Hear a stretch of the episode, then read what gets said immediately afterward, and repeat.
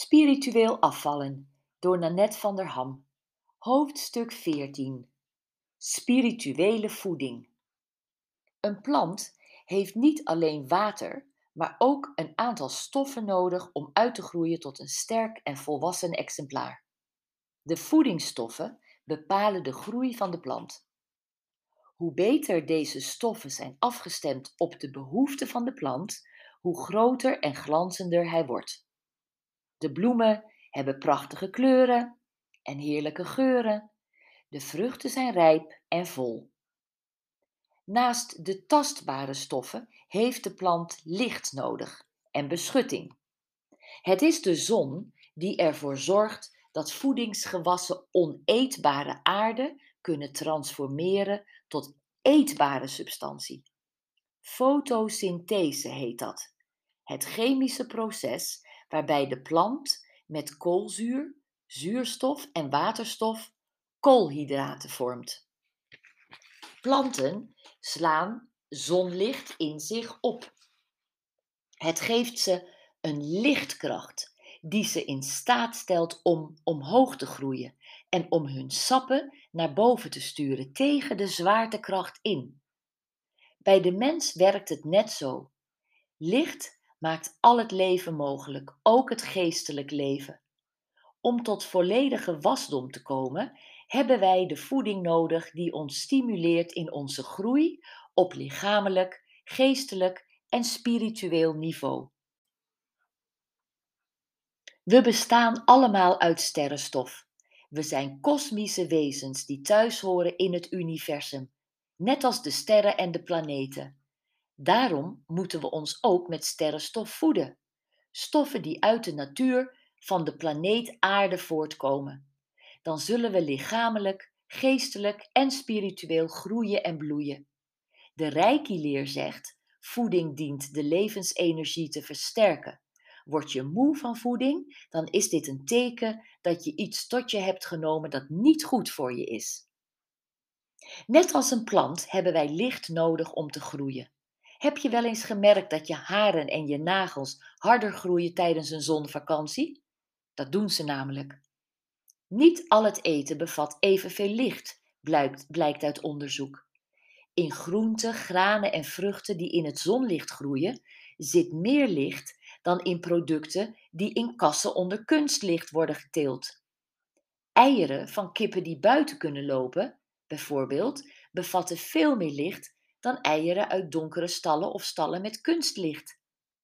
Ook het voer dat kippen krijgen heeft invloed op de lichtkwaliteit van eieren. Als kippen bijgevoerd worden met vers gras, neemt de lichtkwaliteit van hun eieren sterk toe. Tijdens een vakantie in Zuid-Europa ervaar je het zelf. De licht overgoten, geurige, kleurige en smaakvolle tomaten, abrikozen, eieren, pruimen en kaas vers van het zonnige land vullen onze magen en bevredigen onze trek, zonder toevoegingen of bewerkingen. Zou het kunnen zijn dat we onwillekeurig meer gaan eten als we te weinig licht binnenkrijgen? Uit een soort lichthonger? Het geheim van uitstraling. Alle levende organismen stralen licht uit. Alles dat leeft heeft een lichtveld in en om zich heen. Wij mensen stralen ook. We hebben een bepaalde uitstraling.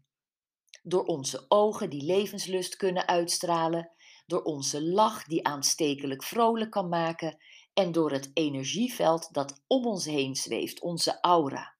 Dit is onze levenskracht. Deze energie, veelal onzichtbaar, trilt.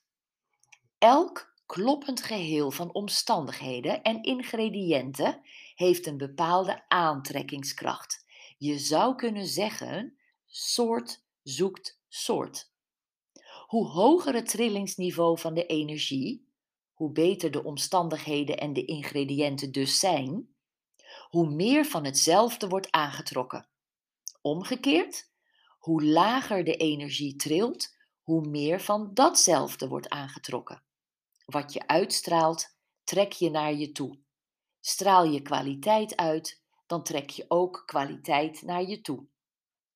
Er zijn methodes om aura's zichtbaar te maken, zoals speciale fotografie. Maar veel mensen kunnen aura's voelen.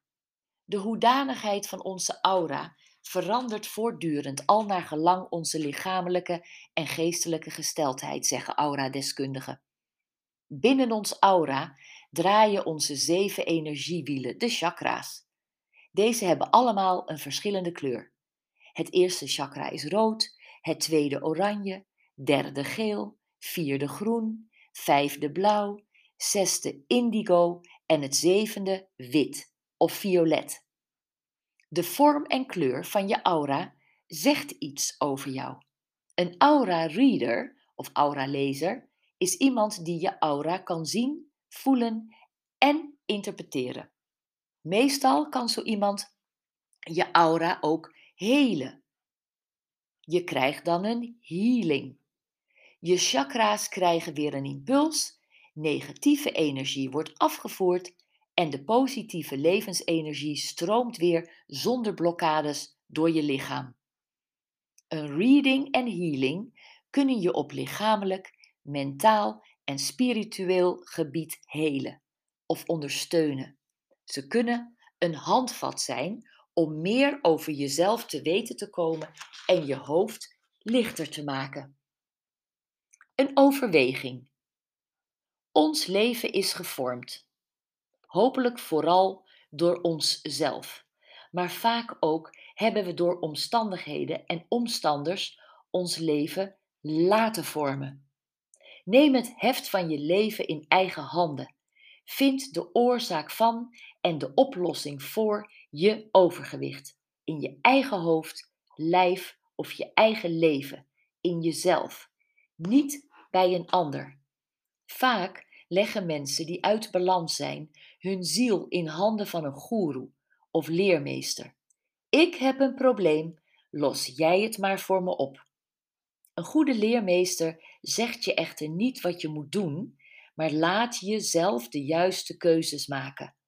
Al weet je soms nog niet precies wat je wel wilt kiezen, weten wat je niet wil kiezen is ook al prachtig. Uiteindelijk komt, naast alle inzichten die je krijgt door je open te stellen voor spiritualiteit, je eigen vrije keus.